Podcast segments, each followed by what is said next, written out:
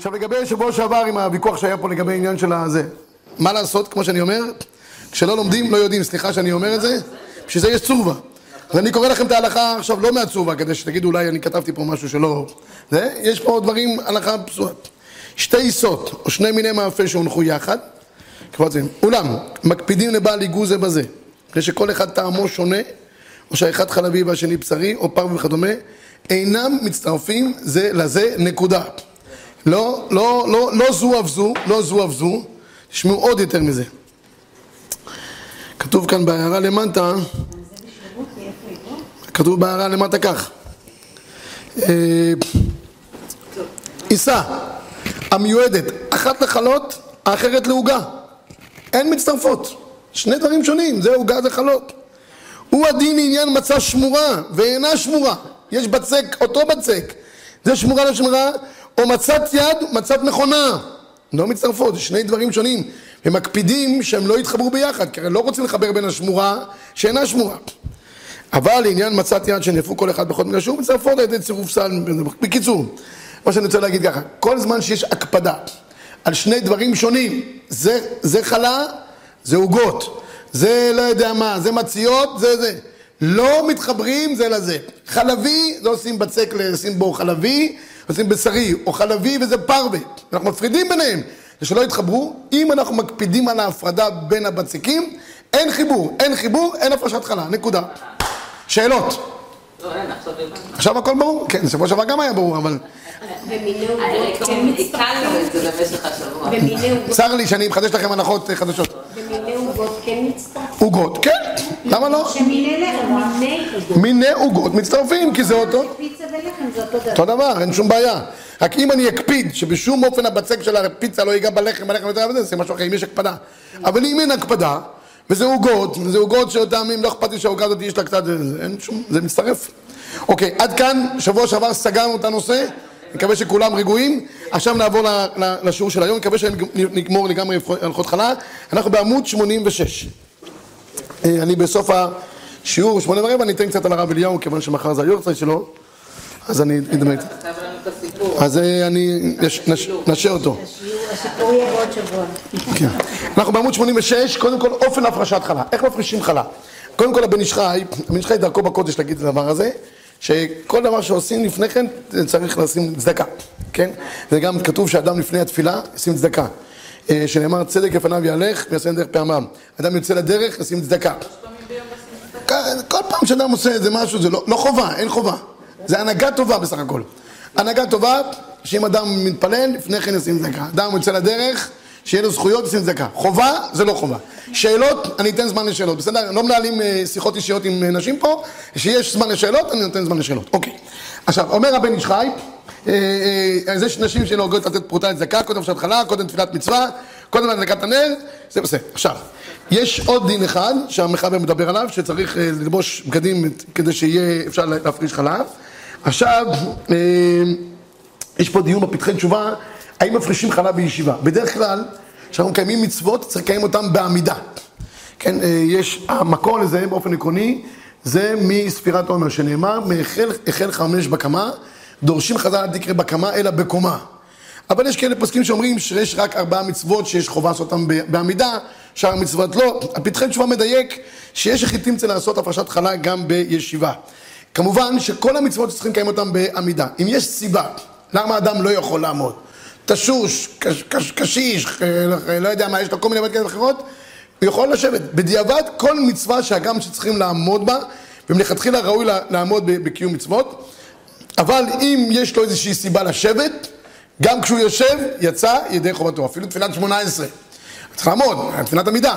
אבל אם אדם לא יכול, באיזושהי סיבה כלשהי, אפילו מי שנמצא ברכב, והוא רואה שעובר זמן, הוא נמצא באוטובוס, לא יכול לעצור את האוטובוס שהוא ירד ויעמוד. והיה רוכב על גבי החמור, גם אם עשה את זה בצורה הזאת, יצא ידי חובה. אוקיי. עכשיו, אה, ניגע ישר בברכה של, ה, של ההפרשת חלה, מקור 6, בשעה שיפריש חלה יברך, אשר קידשנו מצוותיו מצוונו להפריש תרומה, או להפריש חלה, ויש כאלה שמחברים את שניהם ביחד, ככה אנחנו נוהגים לעשות, להפריש חלה תרומה. תראו בבקשה, בכף החיים מקור 8. ומי הוא נראה דנכון לומר, מחברים בין שני השיטות, להפריש חלה תרומה, כלישנא דקרא, חלה תרימו תרומה, וכן כתב בן איש חי. אז הספרדים בדרך כלל נוהגים, כשהם מפרישים, הם אומרים להפריש חלה תרומה. ערוך השולחן כותב מקור שבע, וכולם הסכימו יותר טוב לומר להפריש תרומה, כי החלה נקראת תרומה, ודכתיב חלה תרימו תרומה, דחלה שם מוגה, ומה העניין לברכה? ויש שבכל השנה מברכים להפריש חלה, בערב פסח מברכים תרומת חלה, צעקו על זה שאין חילוק. בקיצור, לדעת האשכנזים באופן עקרוני מברכים להפריש חלה. לדעת הספרדים להפריש חלה, תרומה. ככה גם נוהגים לעשות. עכשיו, איך, איך אנחנו אה, מפרישים? ומה הכמות שצריכים להפריש? יש כאלה שאומרים שלפני שאדם לוקח את החתיכת אה, בצק, אז הוא מברך, מפריש, ומברך עובר נשייתן. יש כאלה שאומרים שלא. יכול להפריש, ואז הוא מברך, ולאחר מכן, בדרך כלל או זורקים או שורפים את החלה, תכף אני אגע, יש פה נקודה מאוד חשובה שאני רוצה להגיד לכם להלכה, מסתומק גם את זה לא כל המכירות, כי ראיתי כבר אצל הגברים שלא הרבה הכירו, אז זה דבר שהוא די מחודד, אבל צריך לשים לב לנקודה הזאת. מה עושים עם, החתיכה? קודם כל, כמה צריך להפריש? כמה, כמה, כמה לקחת? פעם, על פי דין, היה אפשר לתת כלשהו לכהן, ויוצאים ידי חובה. אלא מה, חז"ל נתנו לזה שיעורים מסוימים, למה? כי הכהנים, הכהנים זה עם של מסכנים. אין להם, אין להם. היו עובדים במקדש, יש ביטוי בגמרא שהכהנים היו כמסייעים בבית הגרנות, ככהן, אחד שרוצה כל הזמן לקחת דברים אחרים, הוא נקרא כהן המסייע בבית הגרנות. מה זאת אומרת כהן המסייע בבית הגרנות? כהנים היו צריכים לקבל תרומות ומעשרות, רוצים שיביאו להם, אפשר להביא לכל כהן, מיוחס. הם היו עומדים תמיד ליד החקלאים ועוזרים להם כאילו, כאלה, הוא מצפה שאם הוא עוזר לו, בסוף לא יפתור אותו לשלום, ייתן לו גם את התרומה שלו. זה נקרא כהן המסייע בבית הגרנות. כהנים תמיד, הם, פרנסתם בדוחק. לא היה להם את האפשרויות להרוויח כמו כל ישראל, כי הם היו צריכים להיות במקדש וכולי. יש, יש, יש בדיחה. מספרים שפעם אחת יהודי הגיע לאיזה רבה, רצה להיכנס לרבה, לקבל ברכה, אומר לו השמש לפני כן, אדוני, כנס לרבה, 100 דולר. 100 דולר, 100 דולר, להיכנס לרבה, מה כן, שמע, להחזיק את החצר. סיפור שלם. כל הקיגילים של הרבה וכל הזה, רק, רק המקל של הרבה מכסף, אפילו שלא צריך, הוא הולך איתו, זה עולה כמה מאות דולרים. קיצור, זה עולה כסף. טוב, הרבה מחכה בינתיים שייכנסו, קבלת קהל, צועק נקסט, נקסט, אף אחד לא נכנס. אז הרב יוצא החוצה, אבל למה אתה לא נכנס? אומר, רב, אני רוצה להיכנס אליך, אבל הוא רוצה ממני 100 דולר. אומר לו הרב, כן, שמע, להחזיק אותי, זה חתיכת סיפור. אומר, רב, יש לי שאלה, הכוהנים מברכים אותנו כל יום, דולר הם לוקחים, פעם אחת ייכנס אליך 100 דולר? אומר, אדוני, לכן הכוהנים הולכים יחפים, מה אתה חושב? אתה חושב שסתם הולכים ככה? אז קיצור, אז, אז, אז הכוהנים הם תמיד אה, מסכנים באיזושהי מידה כזאת או אחרת. לכן חז"ל, מעיקר הדין כשהיו מפרישים חלה באמת, שזה היה אחד מ-20 המתנות כהונה, הם נתנו שיעור של בעל הבית כמה הוא צריך להפריש, אה, שיעור יותר גדול, ויש שיעור הפרשה של נחתום, נחתום זה שעושה, אופה שעושה בצורה כמותית. אז זה מה שהיה צריך להיות מעיקר הדין. כיום, בעוונותינו הרבים, יש את השיעורים בדיוק שעושים בין, בין, ה, בין הנחתום לבין, הבאתי את זה. הנה, יש בבקשה, תראו בבקשה בעשר, מה שנאמר בתורה, ראשית הריסותיכם, מדין תורה אין איזה שיעור, אפילו הפריש כלשהו, פטור מן העיסה, מדין תורה כלשהו, כמו תרומה גדולה, דרך אגב, תרומה גדולה, מדין תורה כלשהו נותן לכהן נגמר. באו חכמים ואמרו, מה הכהן יחיה מכלשהו? עשו שלוש עיניים, עין טובה, עין רעה, עין בינונית. עין טובה זה אחד מארבעים, עין בינונית אחד מחמישים, עין רעה אחד משישים. ככל שהכמות גדולה, אז. אבל בכל אופן, שהיה איזה כמויות מינימליות של הכהן, יהיה מה להתפרנס. אבל מדברי סופרים, אומר, הם מפרישים כמות של חלק אחד מ-24 בעיסה. זאת אומרת, תמיד לוקחים, ויש 24 לחמניות, אחד נותנים. בזמן הזה שהחלה אסורה באכילה לכהנים מפני הטומאה, והחלה בלאו הכי נשרפת, נותנים חלה כלשהו, אין צריך להחמיר, ליטול אחד ממ"ח בעיסה. אז 24 לבעל הבית, ואחד מ-48 לנחתום, כדי שיוציא פחות. היום אין לנו כהנים מיוחסים, אי אפשר להביא להם. דרך אגב, הרב אליהו, זכר צדיק לברכה, מחר זה יוצא צריך להזכיר אותו, ללוויים הוא כן היה נותן את, ה, את המעשה ראשון. מעשה ראשון ללוויים הוא היה נותן. אבל, אבל תרומה גדולה, לאף אחד אי אפשר לתת היום תרומה גדולה, כי הכוהנים, עם כל הכבוד שאנחנו רוכשים להם, קודם כל הכוהנים היום, הם לא מיוחסים, הם רק מוחזקים ככוהנים. אין כהן מיוחס שאנחנו יודעים שהוא באמת כהן. הם מוחזקים מכהנים. היום תאורטית יכול לבוא בן אדם לקהילה, להגיד לגבאי, שלום עליכם, אני כהן. אה, אתה כהן? בסדר, בוא תתחיל לעלות את הדוכן, נותן לו עלייה כל שבת, יכול להיות שאחרי 120 יתברר בכלל שהוא שיקר. יש הרבה, טענו שבפרס, הרבה אנשים שהיו להם, היה להם מצוקה. היה להם חולי לא עלינו משהו, אומרים לקדוש ברוך הוא, תשמע, אם תרפא אותי אני אהיה כהן. אני, אתנדב להיות כהן. חשבו שזה כמו איזה מעלה. הוא כמו שהוא יהיה צדיק. אז הרבה פקפקו על חלק מהכהנים שנמצאים שם, שהם לא באמת כהנים. במשך הגלויות השתרבבו כל מיני דברים כאלה ואחרים. היה לי איזה סיפור עם איזה זוג, שהיא הייתה גרושה, הסיפור אה, מחריד. היא הייתה גרושה, והיא התחתנה עם כהן. הרבנות לא שמה לב. שהם... והזיווגם לא עלה יפה, אז בקיצור, אז הם התקשרו, ואמרתי, איך יכול להיות דבר כזה? אמרתי לה, מאיפה אתה יודעת שהוא כהן? כי משפחה, משפחה, לא, השם שלהם, הרבה פעמים זה לא. אז היא אומרת שאיך שהיא ירדה מהחופה, אבא שלה, אבא שלו בא אליה. אמרתי, רק תדעי לך, אומר לה בחיוך, אנחנו כהנים. היא גרושה. אמרנו, כהנים. היא חשבה שהוא סתם מקשקש. הם חיו, הזיווג גם לא יפה, בגלל שהזיווג לא, לא עלה טוב, אז כל הזמן היה לה בראש, שאולי, כיוון שהם חיים באיסור, אם הוא כהן וגרושה, והילדים חללים כמובן, כן, הילדים חללים הם כשרים לבוא בקהל, אבל אה, בקיצור, בסוף, אה, לא אעלה אתכם כל הפרטים, אז איך בית דין בדק שבאמת הוא כהן? אולי לא כהן, יש הרבה כאלה שהם הדביקו את הכהנים. הלכו לקבר של הסבא, וכהנים הרבה פעמים על הקבר הם שמים כמו, כמו נשיאת כפיים, ועל פי זה וידאו בצורה ברורה שהם הם כהנים. אבל בדרך כלל הרבה כהנים הם לא מוזגים. הגאון מווילנה היה בכור. היה בכור, והיה צריך שיבדו אותו. כל כהן שפדה אותו הוא לא היה רגוע, אולי הוא לא כהן. עד שהגיע למשפחת רפפורט. משפחת רפפורט, אצל האשכנזים, מוחזקים ככהנים. הם מוחזקים. או, אז נחת. בגיל, לא יודע, בגיל 40 עשו לו עוד פעם פדיון הבן. לקחו אותו, לא, לא חושב שלקחו אותו. אה, זה, על החמש סלעים, פדה אותו, אומר, או, עכשיו נחה דעתי, שבאמת פדו אותי. קיצור, שאני רוצה להגיד, היום אין לנו כהנים, וגם אם יש כהנים, הכהנים לא יכולים לאכול בטומאה את התרומה הזאת, אז מה אנחנו עושים עם זה? אנחנו שורפים את, ה, את, ה, את החלה. כן, אין צריך להחמיר לזה, נכון להחמיר להפריש פעם אחת בשנה שיעור חלה, אחד מכ"ד כדעת הארי, שהאשכנזים שנהגים להפריש שיעור כזית. הספרדים בדרך כלל לא מפרישים כל שיעור. לוקחים חתיכה מן העיסה, אבל האשכנזים נוהגים להפריש כמות של כזית. מה עושים עם, ה, עם, ה, עם, ה, עם, ה, עם החלה הזאתי? מה, מה? סובבת על הגז. עכשיו, איך, איך זה? יש כאלה ששורפים בגז, יש כאלה ששורפים בתוך התנור, ויש כאלה שזורקים לפח. עוטפים את זה, זורקים את זה לפח. כל הצורות הן בסדר. אלא מה? פה יש נקודה חשובה שאני רוצה להגיד לכם, כדי שתשימו לב, כי יכול להיות פה מכשול בעניין הזה. תראו, קודם כל, במקור 11 תכף נגיע מה עושים מחלה. שמעתי מהגאון רבי שלמה זלמן נוירבך, וזה רק מפריש מעיסה גדולה, אבל הבא לתקן רק לחם אחד ומצה, שלקח מכמות גדולה שכבר מתחייב בחלב, מסתבר נסק כשעורה ואין צריך בכזית. בקיצור, אז אם הוא מפריש, אם הוא מפריש אה, כמות, אה, כזית מצוין לפי אשכנזים. פחות מזה גם יצא ידי חובה, והשולחן ערוך כותב שמפריש תרומה גדולה ומעשר מברך קודם שיפריש. כי, למה? אומר השאר, כי כל הברכות כולם מברך עובר לעשייתם. יש כאלה, כמו שאמרתי לכם, נוהגים לברך אחרי ההפרשה, לפני השריפה.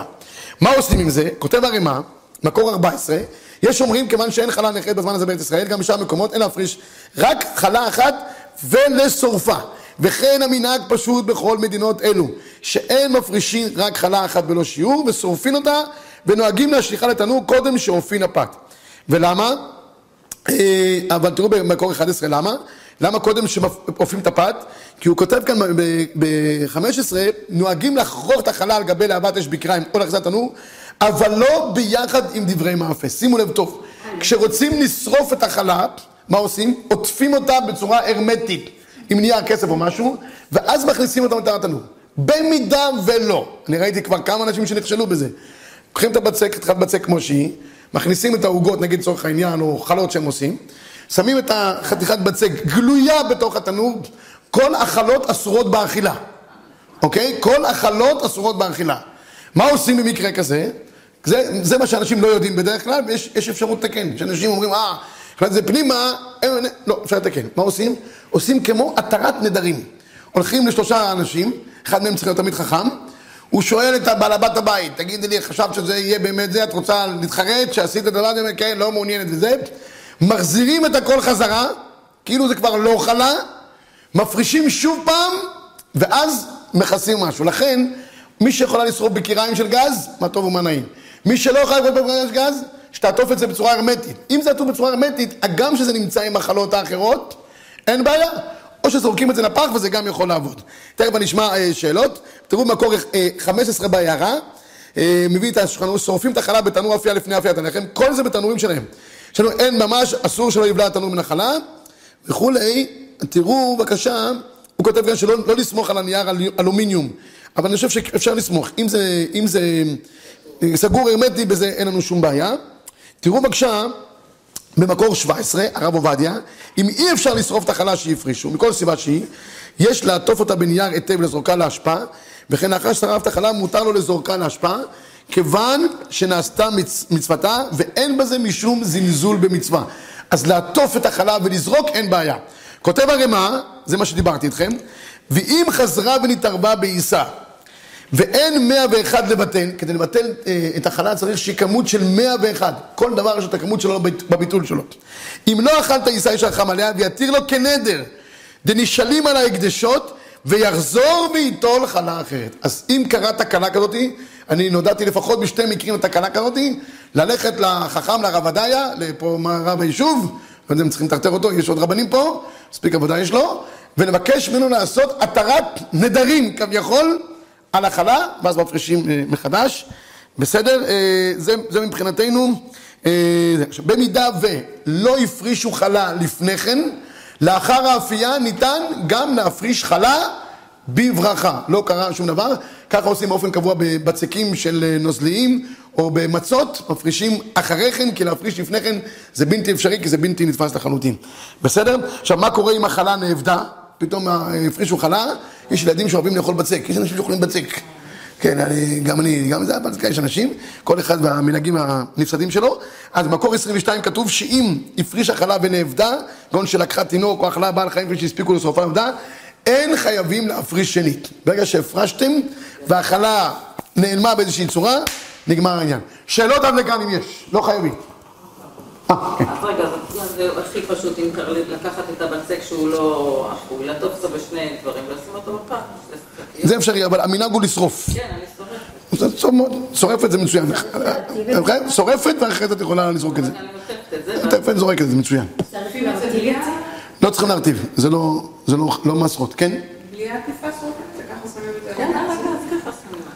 השאלה שלי אחרת, אבל איך יכול להיות שאם הכוהנים, כאילו, כזה כבוד גדול בזה, למה... למה. למה לא דאגו להם? למה צריכים לחיות בדוחק? אה, את שואלת שאלה... תדעי, אה, אין תשובה לזה בחוברת פה. אה, הכוהנים הם משרתי השם. והם היו צריכים להיות מרוכזים בעבודת השם שלהם. אז כהנים, כהנים, כהנים שהם, אה, יש להם תפקיד בחיים, ואדם יש לו ייעוד מסוים. זה לא לעבוד בשקט. בעיקרון, אם הוא היה מקבל את כל ה-24 מתנות כהונה, זרוע, לחיים, קיבה, תרומות, מעשרות, חלה, יש להם 24 מתנות כהונה. אבל לפעמים היה להם דוחק, אין הכי נמי, אבל לפעמים יש דבר, ייעוד יותר גדול מאשר להתפרנס בכבוד. יש אברכים שחיים בדוחק עצום, ויותר מהכהנים אפילו, והם עושים את זה במסירות נפש בשביל אה, להיות תלמידי חכמים. יש אידיאלים יותר גדולים מה, מהיומיום הקטן. זה היה כהנים. הם עם, ממלכת כהנים, גוי קדוש, אה, שפתי כהן ישמרו דעת, אנשים בעלי מדרגה. לא הכל נגמר בזה. הגם שאת צודקת, שצריך להיות להם דברים מסודרים, אבל, אבל ללמד ערך שלפעמים יש דברים יותר חשובים מאשר היומיום. כן. אני שמעתי שאפשר לקבור את החלה. אוי ומה, אתם צריכים לעשות טקס של זה. ומי מי שרפה, כבר הגענו לקבורה. לא יודע מה, אחרי זה קדיש. אני לא שמעתי על דבר כזה, אבל אם את רוצה וזה טוב לך, אולי יגדל מזה עוד בצק. תדעי, זה יגדל בצק. לא, לא, לא שמעתי. לא מכיר. טוב, עוד שאלה קטנה, אני מכירה גם נוסח של להפריש חלה מן העיסה, יש בזה? אם זה הנוסח המקובל, גם טוב. העיקר שיהיה נוסח של להפריש. להפריש חלה, להפריש חלה תרומה, להפריש תרומה, מה ש... הפרשה שיהיה. רק שיעיד על הדבר הזה. אוקיי, עכשיו ניגע בעוד נקודה אחת. ניגע בעוד נקודה אחת בעיסה שמתחלקת. שבוע שעבר קצת נגענו בתוך כל העניין. אה, דיברנו על זה כבר בשבוע שעבר? אם מלכתחילה לוקחים את החלה ורוצים לחלק אותה מלכתחילה ודעתו לחלקו, אז לא, לא, זה. אם החלה עצמה בשלמותה, אז מפרישים, אוקיי, אז רק... אה, אה, נראה איזה הלכה למעשה, ב-27, אני חושב שראינו את 27 גם, לא? למדנו את זה. למדנו את זה, אבל בכל אופן נעבור כדי שנגמור את החוברת בצורה מסודרת, נעבור לחוברת הבאה. עלה שהעיסה שנתחייב בחלה, והיה בדעתו לחלקה, בעודה בצק לצורך עצמה לכמה חלות ועוגות, שאין בכל אחד מהם שיעור ביצה, חייבת נפשתך. אם אתה, אם, כמו שאמרתי, אם בבית עצמו רוצים, אחרי שעושים את החלה, יש בצק, לוקחים אחרי זה, עושים מזה אה, נחמניות, שמים בתוך שקיות, שקיות שמים אחרי זה בהקפאה. זה התחייב בחלה. ברגע שיש כמות של קילו 660, לצורך העניין, הכמות הממוצעת, בו ברגע התחייבה, הבצק התחייב כולו בחלה. בסדר? עכשיו, אה, גם אחרי זה עוצר, והיה בתתה לעשות חלות ועוגות השונות בטעמן ומניין, או בתור לשמור חלק מהניסה לפי הערכה ישראל, תפריש בלא ברכה. אם רוצה לעשות מזה כל מיני דברים שונים, כמו עוגות או חלות, או לשמור אותם בשבת אחרת, אבל בדרך כלל אנחנו נוהגים שאם זה יתחייב אה, אה, בחלה, אז מפרישים את זה עם ברכה. הגם שבדעתו להשאיר קצת אחרת, ככה בכל אופן אה, מנהגנו. אה, הנה, הרב עובדיה אומר את זה במפורש. תראו ברב עובדיה ב-28, מה שנהגו נשים מזמננו, ללוש עיסה גדולה בערב שבת, מפרישים מן החלה. אף על פי שאחר כך מחלקים את העיסה לחתיכות קטנות כדי לעשות מהם לחמים עבור לחם משנה, יש להם מה שיסמוכו. ויכולים שפיר לברך על הפרשת חלב, ואין בזה חשש. למה? כי בו ברגע שיש את הכמות, התחייבה, הבצ- הבצק התחייב בחלה, מפרישים ממנו בברכה. אוקיי? עכשיו, אה, אם רוצים לעשות מאותו בצק דברים שונים, אני חוזר ל-27ב', אבל לעשות מזה למשל טעמים שונים, או לחלק את זה לאנשים שונים, שם אין חיוב בהפרשת חלה. אם זה אה, אה, אה, בצק של שותפים, עיסת שותפים, חייבת בחלה, כי זה מתחבר ביחד. אבל אם רוצים לחלק את זה מלכתחילה, זה דעתה של האישה, לחלק. הרב עובדיה כותב במקור ג', בסעיף ג' ב-28, עיסה. יש בשוק את הפרשת חלה. וברצון האישה לחלק את העיסה בעודה בצק. זאת חלק בצק מתוק, חלק שני לעשות אותו עם תבלינים חריפים. עיסה זו פטורה מהפרשת חלה. אני חוזר שוב פעם לשבוע שעבר כדי שהדברים יהיו ברורים לגמרי. דעיסה העשויה להיחלק לטעמים שונים, פטורה מחלה. ומכל מקום, נכון לחוש דעת רבנו תם ולהפריש חלה בלא ברכה. מצוין, וגם גם אה, אמרנו, סליחה, זה היה רק אם זה אה, לפני שעושים את לא הבנתי. מחלקים את זה לטעמים שונים. כן. לפני. כן. אבל אם עושים את החלות ואז אחר כך מחלקים, אז זה לא... לא, ברור. אם עשית חלה בכמות הגדולה, היא לא שונה. ואחרי זה, ודאי. לא משנה. לא גם, אני אומר עוד פעם, אם עשית בצק גדול, צריך לעשות חלות, לא עושים חלה של ויז'ניץ. כן, לא כל חזה. יש אחרי זה עושים חלות בתוך אה, אה, תבניות קטנות יותר. לא משנה, ברגע שזה הגיע להפרשת חלה בכמות, חל על זה חובת הפרשת חלה. אבל כל מה שהוא פחות מהשיעור, אז מפרישים בכל אופן מברכה, זאת אומרת, אם יש רק קילו, יש, לא, כאילו בכלל לא. לא, יש, יש בטבלה שהבאנו, הבאנו מה המינימום שמפרישים בלי ברכה, ומה זה, פחות מזה, שום דבר לא צריך לעשות. חבל על הבצק, בל תשחית. בעמוד 79, יש כמות להפרשה בלי ברכה, ויש כמות שכבר מפרישים עם ברכה. פחות מזה, חבל על הבצק, זה פשוט אה, השחתה. אנחנו בכל אופן נוהגים ב, אני, כמו אגרח נועה, זה מה שאני אז פחות מקילו 250, כלום. מקילו 250 כן, בלי ברכה, ואחרי זה קילו 660 עם ברכה. אוקיי, עכשיו, הדבר האחרון שניגע בו היום, לפני שניגע גם באיסור חדש, ניגע בו קצת באיסור חדש, אה, עמוד, עמוד 96. זהו, היום אנחנו מסיימים למעשה, למעשה את החלה. כן. תראו, אמ, יש, יש דין של צירוף סל. מה זה צירוף סל? צירוף סל המשמעות היא שאני מצרף כמה אה, סוגי אה, בצקים, או אפילו דברים שכבר נאפו למקום אחד, וברגע שאני אפיתי אותם ביחד, אה, אפיתי אותם ביחד, כינסתי אותם ביחד גם לאחר האפייה, אם יש כמות של קילו 660 נגיד לצורך העניין, אז שוב פעם יש חיוב להפריש מזה חלה, אה, אפילו בברכה. תראו בבקשה, במקור אחד, משנה אומרת, העושה עיסתו כבאי, ונגעו זה בזה, פטורים, קבים הכוונה היא קו, קו ועוד קו.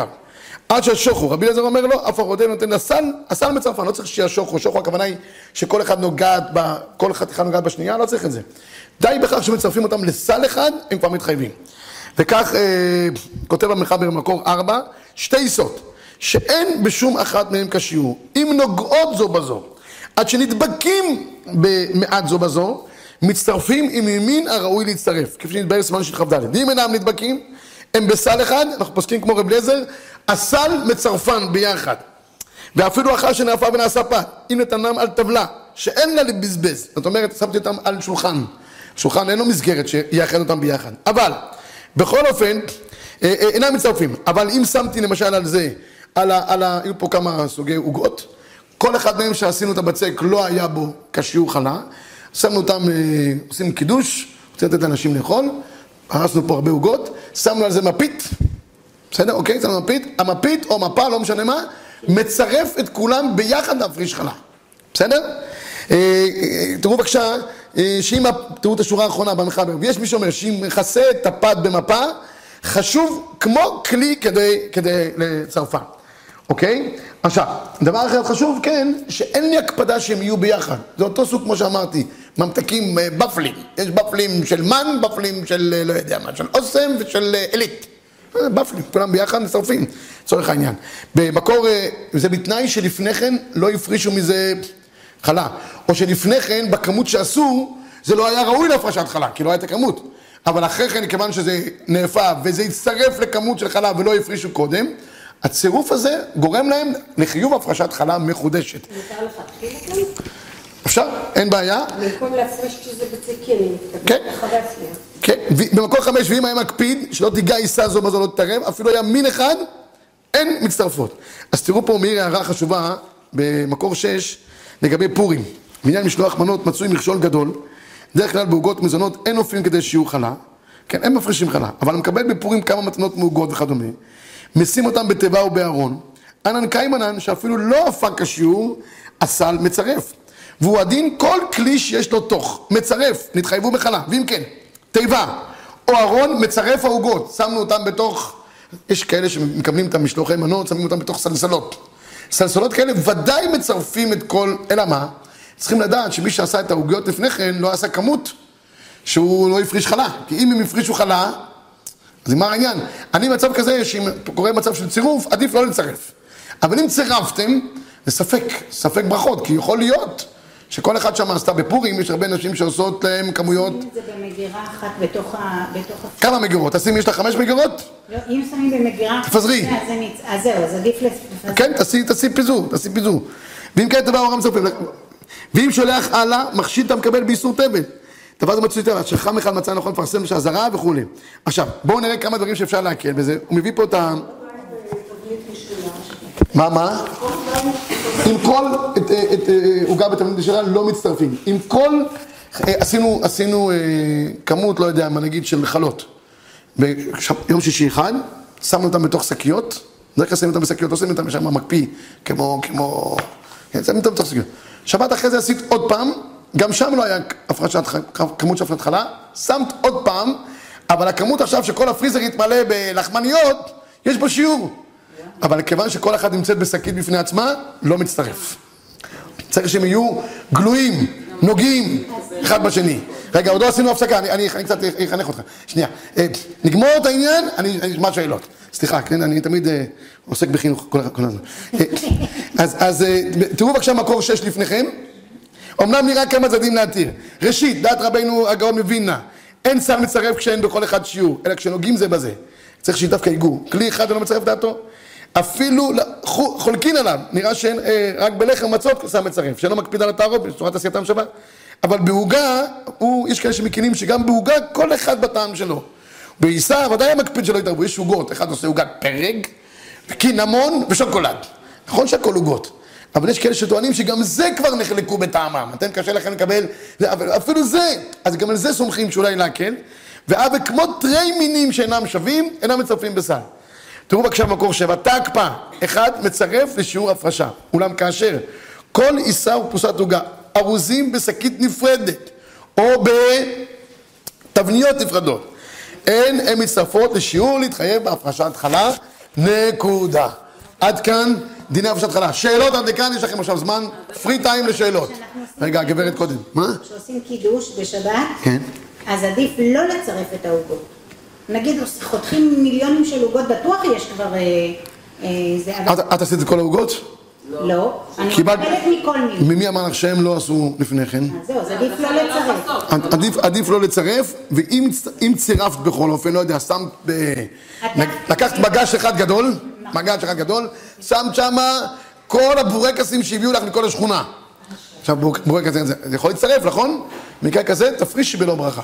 אבל אם שמת אותם בתבניות נפרדות כל אחת, ובכל אחת אין שיעור של קילו שש מאות, כן, אבל הרבה פעמים חותכים לפני זה את העוגות ומכסים עם, מכת ניילון כדי שלא יתייבש, אז זה לא טוב.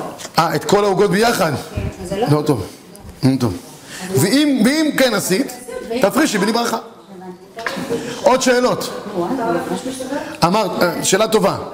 אה, אי אפשר להפריש בארץ ישראל חלה בשבת. אם עשיתם בצק שמתחייב בחלה ולא הפרשתם, לא ניתן, זה מוקצה. זה מוקצה? כן אפשר לעשות תנאי. אפשר לעשות תנאי בערב שבת, שאם את אה, לא תספיק עם זכר, שיצא לי, יש נוסח בשמירת שבת, למי שיש שמירת שבת כהלכה בבית. אין בית שאין בו שמירת שבת כהלכתה, כפי שאני מכיר, יש שם נוסח קצר וארוך, שאדם יכול להתנות בערב שבת ולהפריש את החלה בשבת. רק אם עשית תנאי בערב שבת. לא עשית תנאי, זה אבוד, רק במוצאי שבת תוכלי להשתמש בחלות. עוד שאלות? אז בעצם העוגות שמגיעות בפורים, כל אחת מגיעה בפני עצמה. לא? אם שמת בפני עצמה, אבל יש ילדים שאחרי זה לוקחים את כל העוגיות, שורפים אותם ביחד לאיזה סלסלה גדולה, אז מתחיל הבלאגן. אפשר לעשות על שוגג? זאת אומרת, אם שכחתי ואני נזכרת בשבת, אין תנאי השוגג, או שעשית תנאי או לא. לא. עשיתי תנאי, עשיתי את התנאי שאם קורה ששכחתי להפריש ונזכרתי בשבת, האם אני יכולה לעשות תנאי על זה ולהפריש את זה בשבת? לא יודע. חושב שלא. לעשות בצורה ברורה, אני לא הפרשתי, ואני מתנה שבשבת אני אוכל להפריש. אז אם זה נעשה בתנאי, זה כאילו התחלתי להפריש מערב שבת.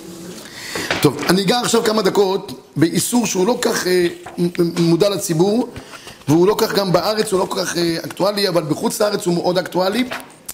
הגם שבחוץ לארץ לא שמתי לב שהרבה אנשים מקפידים על הדבר הזה, אני, אני אגע בו באופן אה, כללי. בנקודה הזאת. יש איסור שנקרא איסור חדש. מה זה איסור חדש? לא לא יודע. מה זה, מה זה איסור חדש? איסור חדש, הכוונה היא שכל התבואה החדשה שנקצרה לפני פסח ט"ז בניסן, אי אפשר לאכול אותה עד שלא יעבור ט"ז בניסן. במקדש היו מקריבים, ט"ז בניסן, היו עושים את, את הקורבן העומר. קורבן העומר היה מתיר לאכול את, החדש, בסדר? תראו, זה מופיע בפסוק, במקור שמונה לפניכם. דבר דבר השם משה לאמור, דבר עם נס מתניה כי תבואו אל הארץ שנותן לכם קצרה ותן את עומר, ראשית קצריכם מן הכהן, הניף את העומר לפני שנצורכם ממחרת השבת, מחרת השבת כמובן ממחרת הפסח, יניפנו הכהן, זה ט"ז בניסן, ועשיתם ביום הניפיכם את העומר, כבש תביא משנתו לעולה להשם, יפה, מצוין. יש כאן שורשי המצווה שהחינוך נוגע בה, ועכשיו זה נקרא באופן עקרוני מצווה תלויה בארץ. תראו מקור עשר, כל מצווה שהיא תלויה בארץ, אינה נוהגת אלא בארץ, שאינה תלויה בארץ, נוהגת בין בארץ וחוץ לארץ, חוץ מן העורלה והכליים, רבי אליעזר אומר, אף החדש. ואז הגמרא פה מסתפקת האם חדש זה לקולה או לחומרה. מה קורה עם החדש בזמן הזה? כי אין לנו, אין לנו קורבן העומר, אין לנו מקדש בעוונותינו, אין לנו קורבן העומר. האם יש גם איסור חדש? כן. איסור חדש לא תלוי בהתרתו בקורבן העומר, תלוי ביום ט"ז בניסן. אי אפשר לאכול תבואה חדשה עד שיעבור ט"ז בניסן. תראו בבקשה את התוספות, ונראה דחדש נוהג בזמן הזה. לכן יש, יש, יש להיזהר, שאם אדם יודע בוודאי שהשעורים נזרעו אחר זמן הקרבת העומר, דהיינו אחר שישה עשר בניסן, שלא יאכל מהם. ומספק אין, אין לאסור כל השעורים, כיוון שרוב השעורים נזרעו קודם ט"ז בעומר. איך זה הולך, איסור חדש? צריך שיהיה שני תנאים. התנאי הראשון, שזה יהיה מחמשת מיני דגן, זה התנאי הראשון. תנאי שני, שהחיטה או השעורה נזרעו אחרי ט"ז בניסן. אם הם נזרעו לפני ט"ז בניסן ונקצרו לאחר ט"ז בניסן, אין דין חדש. בארץ, דרך אגב, כך כתב השבט הלוי, לא יודע, הוא כנראה בירר את זה, רוב התבואה בארץ נזרעת לפני ט"ז בניסן, ונקצרת אחרי ט"ז בניסן, אם- הפלסטינים לא שורפים אותה ב- בחבל עזה. תראו בבקשה במקור 13, אומר, ה- ב-12 סליחה, ולעניין איסור קצירה בארץ ישראל, זה פשטות בעלי הלכה בטור שולחן ערוך, סתמה גם מסכים, דאין נוהג בזמן הזה רק איסור אכילה דאורייתא, לא איסור קצירה לא דאורייתא, כל מקום, כיוון דגאון ישראל נכנס בדבר הלכה, רגע, הוא כותב לגבי הארץ, ראיתי את זה, הנה, אה, בעניין הבליות הוא כותב, לא, תראו בבקשה ב-14, 14, אני תכף אגיע בעניין הזה. והתבואה הגדלה בארץ ישראל, לכולם הנוהג איסור חדש מן התורה בזמן הזה. אמנם, אין מצוי איסור חדש בתבואה הגדלה בארץ ישראל, כי זמן הזריעה בארץ הוא בתחילת החורף, והקצירה תמיד נעשית מתי? אחרי פסח. אז אין. דרך אגב, גם בארץ כמעט ולא אה, מגדלים חיטה ושעורה לצורך אה, אכילה, זה בעיקר לבהמות. כן, רוב העניין זה למספוא, זה לא בשביל האנשים. אנחנו את רוב התבואה שלנו מקבלים מאמריקה בעיקר, יש גם קצת מ... מרוסיה. בדרום הר חברון יש עכשיו מודה של כן.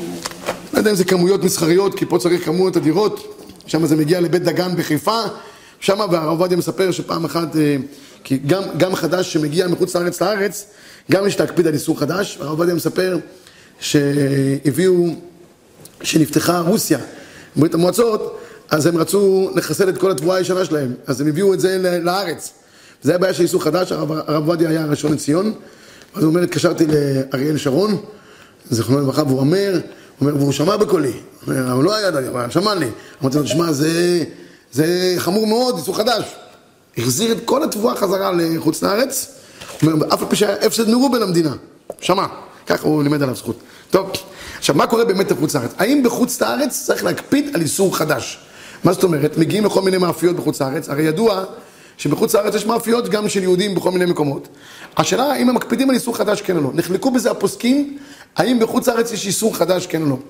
אני לא יודע, אני הייתי בבלגיה, אף פעם לא שמעתי על בחוץ לארץ, אם מישהו שואל כן או לא, מסתובב, לא יודע, אני מקווה שלא לא, לא נכשלנו בדבר הזה. אבל זה אה, דיון מעניין. בעריף, עריף מקור 15, עריף היה גדול הראשונים, ראש הראשונים הוא היה, רבי יצחק אלפסי, בפס, במרוקו. אז הוא כותב, קיימנן כרב לייזר, אתם זוכרים את רבי אליעזר במשנה? סתנן קטנן כבתי, דתנן החדש אסור מן התבואה בכל מקום בעולה ההלכה. אז לכאורה הוא כותב במפורש שהחדש כן נוהג בחוץ לארץ. ו... אה, וגם גם השאגת אריה דן בדבר הזה. תראו בבקשה מה הפוסקים הפוסקים, תראו בבקשה ב-17. על כל פנים, הרבה מהראשונים פסקו דלא כרב לייזר, גדולי האחרונים טרחו למצוא טעם לדבריהם. הכריעו פיפולים שקשה לבנות יסוד הדין על פי זה, אך עכשיו זכינו שנתפס האור זרוע, הוא ביאר טעמם ועולה בקנה אחד עם דברינו הקודמים, ונראה בעיניי אני, אני המחבר לפסוק הלכה חדש בחוץ לארץ דרבנן. נתנן, כל הקורבנות ציבור חוץ לארץ סתם ניתן חוץ דרבנן, דאורייתא היה גם בחוץ לארץ, דרבנן תעלה כדמר. בקיצור, אה, אה, לפי ערוך השולחן ולפי עוד פוסקים אשכנזים, אין חדש נוהג בחוץ על הארץ. אבל המחבר, מקור 18, וזו הבעיה הגדולה, כותב שאיסור החדש נוהג בין בארץ, בין בחוץ לארץ, בין של ישראל, בין של גויים. ולכאורה משמע להדיא שהמחבר פוסק שיש איסור חדש בחוץ לארץ. אי לכך ובהתאם לזאת, אה, הרבה פוסקים פסקו שיש איסור חדש גם בחוץ לארץ. תראו בבקשה במקור 22 המחבר.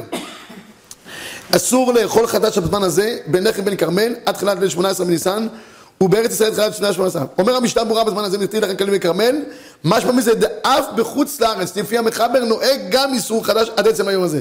דהיינו יום הבאת קורבן העומר שהוא ט"ז בניסן. ומשום ספק עד היום מחמירים עוד יום. כל מקום רוב העולם אינם נזהרים כלל באיסור חדש, שלימדו עליהם זכות לפי שהוא דבר קשה להיות זהיר. לכן סומכים מפני הדחק על מקצת הראשונים שסוברים שחדש בחוץ לארץ אינה אלא מדברי סופרים ולא גזרו אלא במקומות הסמוכים לארץ ישראל. יש שלימדו עליהם זכות, שזה רק בתבואה של, של, של ישראל, אבל לא בתבואה של גויים. בקיצור, המשנה ברורה כותב שיש בחוץ לארץ על מי לסמוך אם לא אה, אה, עושים איסור חדש, לא מקפידים על איסור חדש. המעניין הוא שהרב עובדיה יוסף נאמן למחבר והוא כותב במפורש שגם בחוץ לארץ צריך להקפיד הספרדים על איסור חדש. לא יודע למה, לא שמעתי אף פעם שספרדים, מה, יש פה מחוץ לארץ? דיברו על זה? דרום אפריקה דיברו? כן? חודש, חודש, איסור חודש? לא יודע, אני הייתי כמה שנים הייתי גם מחוץ לארץ בכל מיני מקומות, לא יודע, הדבר הזה אולי, אולי כן. אז אם יש שם הקשר של הרבנות, אז אפשר לאכול את הלחם הזה? אשכנזים, אשכנזים, אשכנזים ודאי. אשכנזים ודאי. ספרדים? זה בעיה. ספרדים בעיה. מה?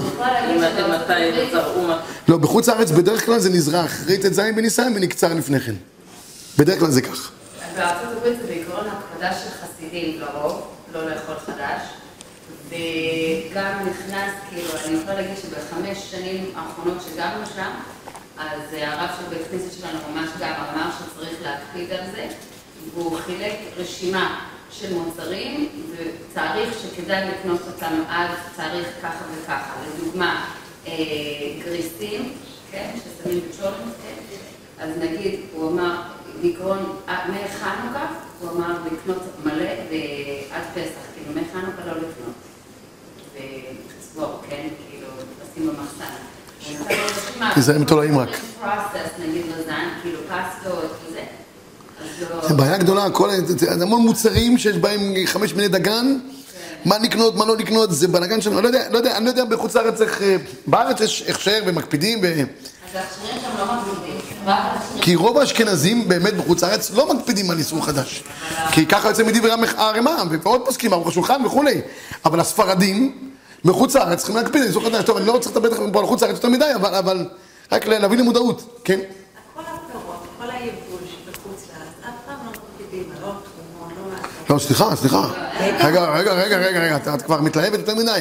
הדיון הוא רק לגבי חלה, אין תרומות ומעשרות בחוץ לארץ. זה מה שהיא אומרת, כן, למה? אני- מה שאני ממשיכה להגיד, כל הדברים האלה לא. אז למה דווקא לחיטה עושים את העניין הזה. שאיסור חדש?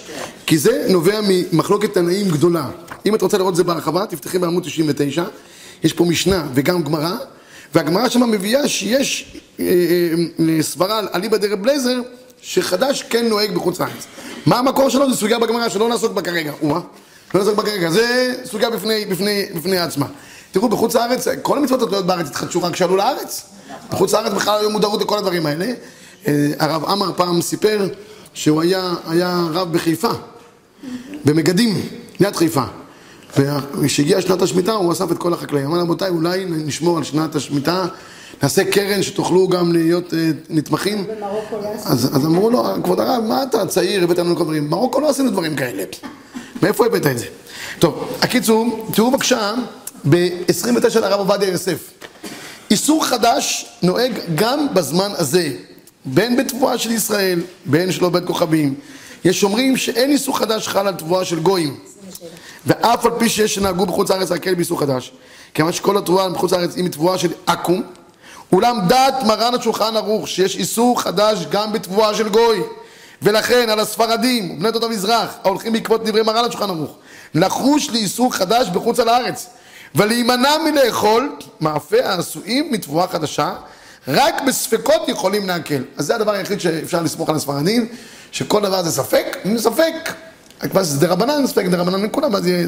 ולכן הוא כותב כאן, הוא כותב שגם המוצרים שמגיעים לארץ, ראוי ונכון לחקור על מיני תבואה מובאים מחוץ לארץ, המשקיעים היום בארץ, אשר מיוצרים בחוץ לארץ מתבואות חוץ לארץ, צריך לבדוק, קווקרים, גרנולה, מביא פה כל... יש בהם איסור חד... חשש לאיסור חדש. אולם גם בזה לכתחילה, בדיעבד, כל שיש בו ספק אם יש בו איסור חדש, יש להקל גם לדידן. אז ספרדים, הדבר היחיד שהם סומכים, ספק, ספק, אז מקילים. טוב, אבל הרבנות כאן בארץ... היא אמורה להקפיד. כן, כן. הרבנות עושה את העבודה, אני חושב שיש כמה דברים, אומרת, אין בעיה, גם אם מביאים משהו מחו"ל ויש לזה עכשיו. לא גם אם מביאים, מביאים הכל מחו"ל. והרבנות בודקת ו- וסומכים עליה. טוב, אני אגע ברשותכם בכמה דקות בכמה דברים לזכרו של הרב אליהו, שהוא היה אה, נשיא המכון כידוע. אה, את האגדתה של שבוע שעבר אני אגמור בשבוע הבא בעזרת השם. אה, אה, אגב, צוב אנשים, דרך אגב, אני חייב להגיד, הוא בא מהרב אליהו, אני לא תכננתי לעשות צוב אנשים. הרב אליהו, אחרי שהוא ראה שהצורה ברוך השם כבר אה, מתפתחת, אז יום אחד קיבלתי ממנו מכתב, ואז הבאתי את המכתב פה, אני חושב, אני מביא אותו כל פעם בתחילת החוברת. כן, כן, כן. אז הוא כתב ככה, הוא כתב, אתם רואים? לא יודע באיזה עמוד זה. לפני עמוד אה, 12, עמוד 10. כתב, באתי להמליץ, וכולי וכולי, ואז הוא כותב, שמחתי לשמוע שקיבלתם את עצתי ללמד גם נשים וילדים הלכה למעשה, ועוד ידכם נטויה. אז ברוך השם, צוב הנשים כבר בינינו את הצבא של הרב אליהו, צוב הילדים כבר ירד לדפוס החוברת הראשונה. חמש חוברות אה, זה, אנחנו התחלנו מילדים אה, בהלכות כשרות. הלכות כשרות, הלכות בשר וחלב, ואנחנו מחדר לידה עד גיל 18, פחות או יותר. זאת אומרת, כל אחד שישתמש, אנחנו אה, עשינו תוכנית מיוחדת, יש קומיקס, יש מקורות, יש הלכה למעשה, בסוף זה נגמר פעם בקומיקס, זו חוברת יוצאת, יוצאת מן הכלל. ומתי אפשר... עכשיו, זה- היום זה נכנס לגרפיקה. בשעה הזאת זה נמצא בגרפיקה. קח כמה ימים שזה זה, ואז ברגע שנאשר את זה באופן סופית, אז בעזרת השם זה כבר זה. בקרוב, באלול בכל אופן אנחנו כבר רוצים להתחיל בכל המקומות בארץ, זה יהיה בנוי כמו מתכונת של צור הגברים, צור הנשים, יהיה גם צור הילדים. יהיה קבוצות קבוצות של ילדים, שהם ילמדו, יהיה מגיד שיעור, יהיה רכז, נעשה להם גם שבת צור רק לילדים. וכן, נעשה להם כל מיני דברים. אבל בקיצור, זה צוואתו של הרב אליהו. הרב אליהו... מה? יש, הרב אליהו, דעתו וליבו היו כל הזמן על עם ישראל. הרב אליהו לא היה אוחז לעצמו כלום, אני חייב להגיד. כל המסירות נפש שלו הייתה לעם ישראל. הוא היה טורח להגיע ממקום למקום כדי לרומם את עם ישראל. ואני חייב לספר ככה כמה, כמה סיפורים על, על גדלותו של הרב, כי הגדלות שלו היא בלתי נתפסת. אני אגיד גם למה היא בלתי נתפסת. יש הרבה גדולי ישראל. יש אחד, יש לו שליטה בכל התורה כולה. יש לו שליטה אדירה. יש אחד, יש לו קדושה נוראה. יש אחד, יש לו כוחות במחשבה גדולים. אחד, יש לו אה, בנסתר, איזה מקובל גדול ש... הרב אליהו היה בו הכל. הוא היה גאון עולם בנגלה, הוא היה גאון עולם בנסתר, הוא היה לו כוח של תפילה בלתי רגיל, היה לו כוח של אהבת ישראל בלתי, בלתי רגילה. הוא, כל מקום שהוא יכל לגרום לרומם, זה היה, עליתי, הוא מנוף, הרב אליהו היה מנוף. כל מי שנמצא במחיצתו, זה היה מתרומם כלפי מעלה. ועל, אה, ועל אה, גדלותו של הרב אני אספר אולי שני סיפורים קצרים, גם על התורה הגדולה שהייתה לו וגם על אהבת ישראל הגדולה שהייתה לו. התורה הגדולה, אני, אה, פעם אחת הייתה לי שאלה בהלכה מאוד קשה. אז שני שאלות קשות, היו לי מאוד, כבדות משקל, אני אדבר איתכם ממש קשות. אחד בענייני אבן העזר, ענייני יורסין, והלכתי לכמה וכמה דיינים באנדוורפן, את השאלה הייתה באנדוורפן, אף אחד לא ידע תשובה, פשוט השאלה הייתה קשה. תבינו, שם באנדוורפן היו גאוני עולם, אחד מהם היה, אה, נקרא אילו של קרקוב, רב חייזוויק. הוא היה גאון שידע את כל הבבלי וירושלמי בעל פה. עכשיו אני אומר לכם בעל פה, אתם אומרים לי, בטח הוא יודע סוגיות. מילה במילה בעל פה. בחתונות שמה, באמצע החתונה, הרב של הקהילה עומד לדבר. כשהקרייזד היה עומד לדבר, אז הוא היה מתחיל, אזוקט אין גמורת. מצלצל לי בראש.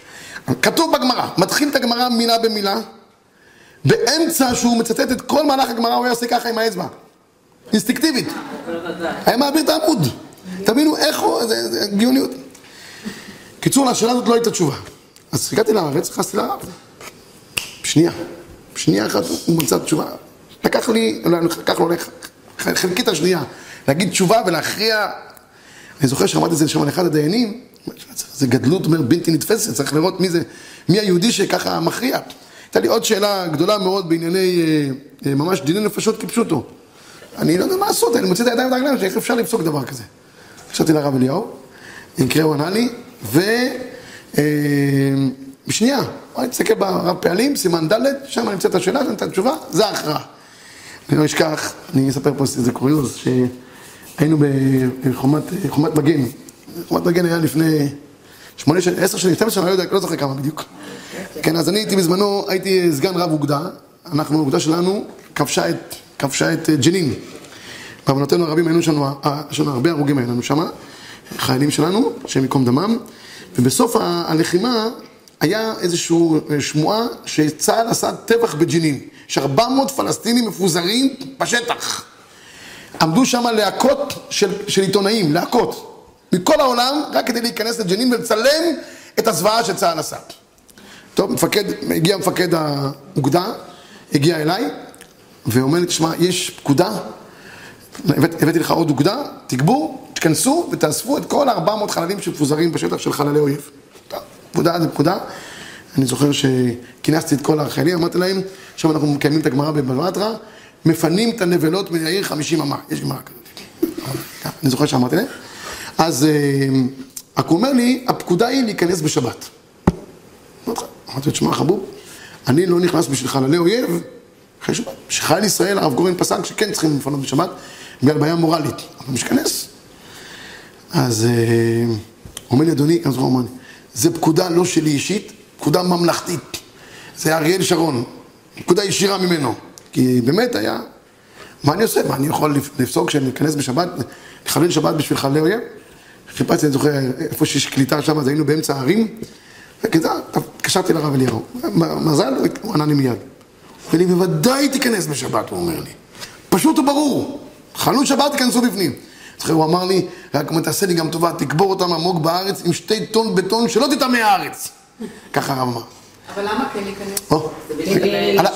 הלכתי, הלכתי למפקד, אמרתי לו, נכנס בשבת, רק תגידי מתי אני אכנס. הוא אומר לי, מה קרה? אמרתי לו, אל תשאל שאלות. שבת, שבת. בסוף לא נכנסנו בשבת. מי אחמד טיבי, זה... הוא הגיש בג"ץ.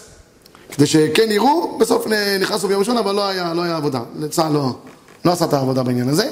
אז לא... בקיצור, אחרי זה שאלתי את הרב, מה, מה המקור שלך? הוא אומר לי, אתה אומר שיש עיתונאים פה, הוא אומר, תמונה אחת שווה אלף מילים, עוברת לכל העולם, כלל ישראל בסכנה. הוא אומר, זה פיקוח נפש של כלל ישראל, אבל זה פוסק. אני קטן, מה אני יכול לראות? את השבת הקטנה שלי פה. פויסק בסדר גודל, כמו הרב אליהו, רואה את הסכנה שיש לכלל ישראל, זה היה דרכו. לראות מסוף העולם ועד סופו, בהרבה דברים, אין כרגע לספר זמן כל כך הרבה דברים, אבל היה לו ראייה בלתי רגילה, היה לו גם פיקחות נפלאה, איך כל סיטואציה מביכה, להוציא את המצב מהמבוכה. הוא היה גאון עולם בנקודה הזאת, איך להגיד את המילה הנכונה ולהוציא. אספר לכם שני סיפורים ובזה נסיים. עשינו פעם כנס של הצורבה, הרב אליהו תמיד היה מגיע לכנס, הוא היה האחרון, שעה וחצי. שלושת רבעי שעה שאלות לרב, שהיה עונה עליהן בצורה מדהימה, ולאחר מכן הרב היה נותן איזה מהלך. יום אחד, אחרי ההתנתקות, שנה אחת, הגיע אחד האישים הפחות רצויים בציבור שלנו, בגלל העניין של ההתנתקות.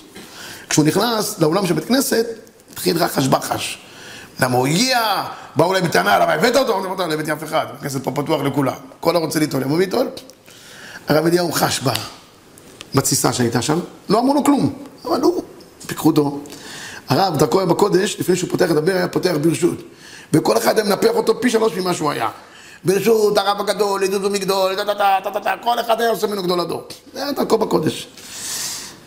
הרב אמר את כל היום הזה, הוא הגיע אליו, וזה מזכה הרבים, ועושה טוב. הוא חלק עליו מכל וכל למה שהוא עשה בהתנתקות. אבל הוא נמצא בציבור, יש הלבנת פנים, פש, שנייה אחת, צ'ק, הרים אותו למעלה, כל הציבור לא נעים לו, אחרי שהרב אליהו אמר שהוא כזה, כזה, כזה, נגמר, כולם שתקו ונגמר העניין. היה עוד סיפור אחד שהייתי נוכח בו, הרב הגיע לסדר חופה, הרב היה מוסר את נפשו, חופות ושיעורים, חופה, בשמונה הרב הגיע, אמרו להגיע בשמונה, חופה בשמונה. טוב, התחיל שם לחץ, רואה את האבא של החתן בלחץ, אומר לו, אל תלחץ, הגעתי מוקדם, בסדר, אני אשב פה נלמד בבית ספר. לא, אני לא בלחץ בגלל הרב, אומר לו, מה הבעיה? הם היו אצל איזה מקובל, הוא לקח את השמות שלהם, והוא בדק, לפי השמות, הקופה צריכה להיות בדיוק בשמונה. אם הקופה לא תהיה בשמונה, אין זיווגם יעלה יפה. אני בלחץ. אומר לו הרב אליהו, תגיד לי, מה השם של הבן שלך החתן? אומר, בנימין. מה שאמרת למקובל, בכמה יהודים אמרת למקובל? אומר לו, ביוד אחד. אומר לו, הרב אליהו, אני עשיתי חשבון, אם זה שני יהודים זה בתשע, אין לך מה לדאוג. הכל יהיה בסדר ונגמר העניין. ההוא נרגע, נגמר העניין. היה לו, היה לו כזאת פיקחות, ולכן אני חושב שהיום חסר בדורנו אישיות כזאת, שבאמת מכילה את הכל, גם קדושה, גם, גם תורה, גם קבלה, גם ברכה וגם אהבת ישראל. שניקח ממנו קצת, בעזרת השם, ונעלה מעלה מעלה. ערב טוב, יישר כוח.